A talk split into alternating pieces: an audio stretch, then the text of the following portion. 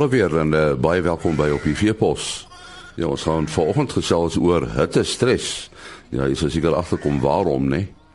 Dan is daar 'n gesprek oor 'n uh, interessante beesras en dit is die Romagnolas.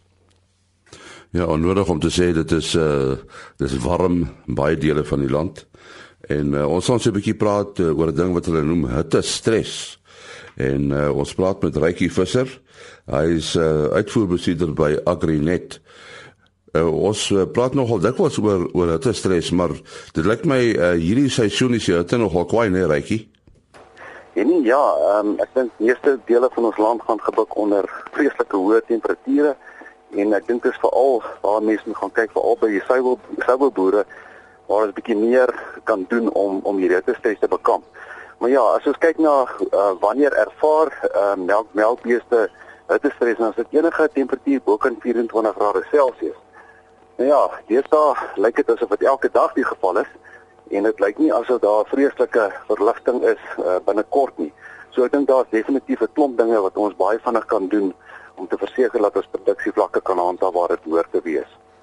Ek kan 'n bietjie gesels oor hierdie maatreëls? En ja, daar's uh, eintlik is daar 'n paar metodes wat 'n mens kan doen. Ek dink die heel basiese ding wat 'n mens moet doen is om uh skaduwee aan die diere te voorsien en daar praat ons van 5 vierkante meter per bees. Uh dit wil sê boere ja, maar ek het 'n klomp skaduwebome en dit is voldoende. Die probleem is dat daardie skaduwebome ehm um, eintlik na tyd ehm um, doodgaan as gevolg van al die mis in die urine wat wat onder die onder die bome vergader. So eintlik is dit maar 'n baie korttermyn oplossing. Mens moet gaan kyk na uh skadu strukture wat mens gaan oprig en dit kan mens natuurlik in die kampe doen. Het sy mens gebruik maak van uh nobbeweidingstelsels waar natuurlik permanente strukture opgerig word of kampstelsels waar mens dan beweegbare of verskuifbare strukture kan opsit. So ja, mens kan daarby begin en dan kan mens natuurlik ook 'n uh, afkoelingsstelsel gaan beplan waar die beeste basies afgekoel word in die vooropvangkraal Uh dit behels basies om die diere nat te spuit uh vir 'n periode en dan uh, droog te waai waar my spesifieke waaiers het wat hierdie uh verdamping verkoeling aanhelp. Daar is spesifieke ontwerpe beskikbaar wat 'n mens moet doen. Dit is nie eenvoudig om net die koeie nat te spuit nie. Mens wil natuurlik nie dat die water teen die eiers afloop wat natuurlik um addisionele arbeid gaan verg binne in die portaal om dit af te droog. En daar is natuurlik die gevaar van verspreiding van organismes wat mastitis kan veroorsaak. So baie belangrik om daardie ontwerp so te doen dat die waterdruppelgrootte wel deur die haarkleed uh, sal sal penetreer tot op die tot op die vel om natuurlik dan die verdamping of die uitreiling van hitte te te bewerkstellig. Waarna die waaiers aangeskakel word en mens die behoorlike afkoeling het. So baie eenvoudige metode en natuurlik uh, waar ons boere 2 tot 3 keer die die die koeie melk is dit uh, verkieslik dat 'n mens in die middel van die dag en dalk laatmiddag weer so stort sal toepas. Maar ja, dit werk baie effektief en ons kan verseker dat ons nie daardie hoë hittevlak uh temperature gaan gaan gaan uh, skade skade bring by die koeie nie. Ja, die meeste mense wat uh byvoorbeeld met uh, volvoer werk, die het hierdie hierdie uh, meganismes, nê. Nee. Ja, definitief. Ehm um, daar is ook ander metode waar die waar die boere ook kan kan toepas en dit is waar die waar die uh diere by die voerkrippe afgekook kan word en dit is nou 'n ander tipe ontwerp waar die pype bo in die skof van die van die dier geplaas word en die dier ehm um, nat spuit aan die agterkant waar hy ook waaiers betrokke het. Uh, so dat dit daar weet net die verskillende metodes wat jy mens gaan toepas.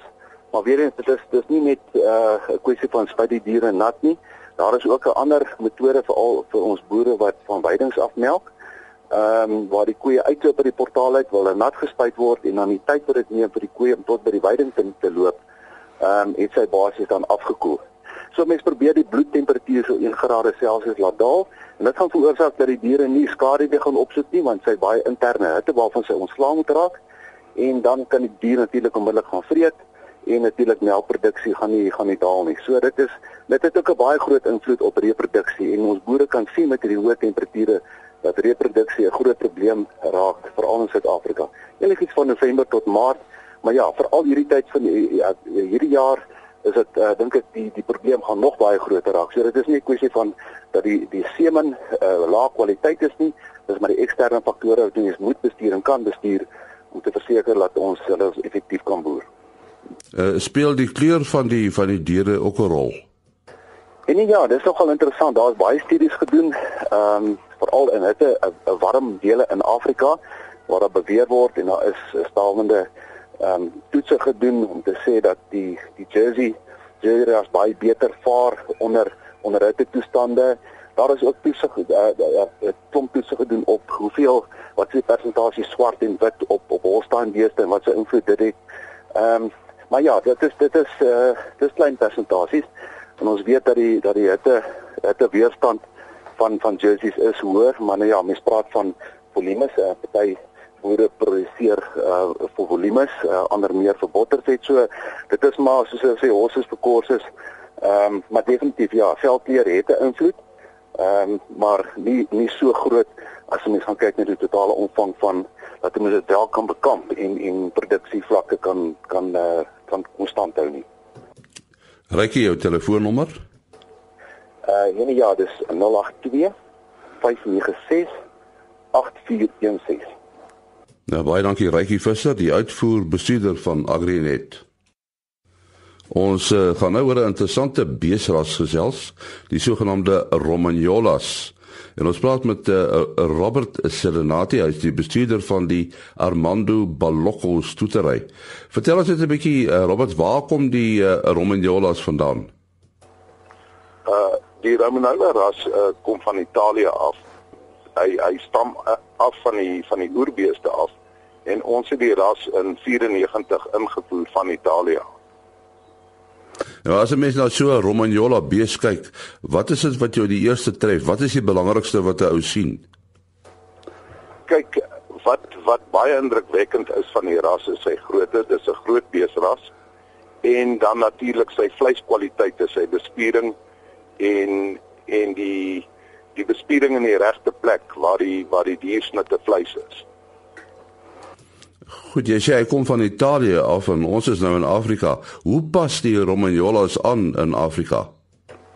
Kyk, die Romagnola is 'n is is is 'n wit bees, so hy het 'n wit haarkleed. Maar onder daai haarkleed is daar is daar 'n swart vel wat goed gepigmenteer is wat hom bestand maak teen die Afrika son. En ons was verbaas hoe goed hy aangepas het in die hitte. En mens moenie dink dat Italië net koue is nie uh die Po-vallei waar hulle vandaan kom in Italië uh het ook uiterste temperature soos in Suid-Afrika. Hoeveel hoeveel um, ouens is daar wat met Romagnola as boere in Suid-Afrika? Ons is tans tans 18 teelers en uh hulle kom voort van die van die Wes-Kaap af in Darling tot in in in in in die verder noorde sover soos Tsanin.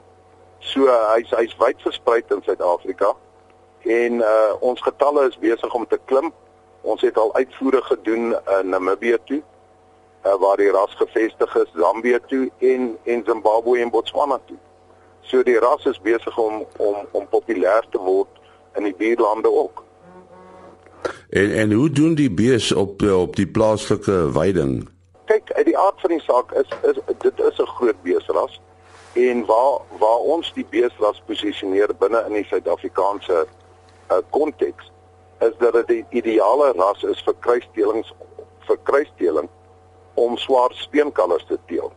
Uh wat wat heeltemal aanvaarbaar is vir die voerkrale. So word uh, word die ras gebruik uh, vir kruisdeling hier in Suid-Afrika.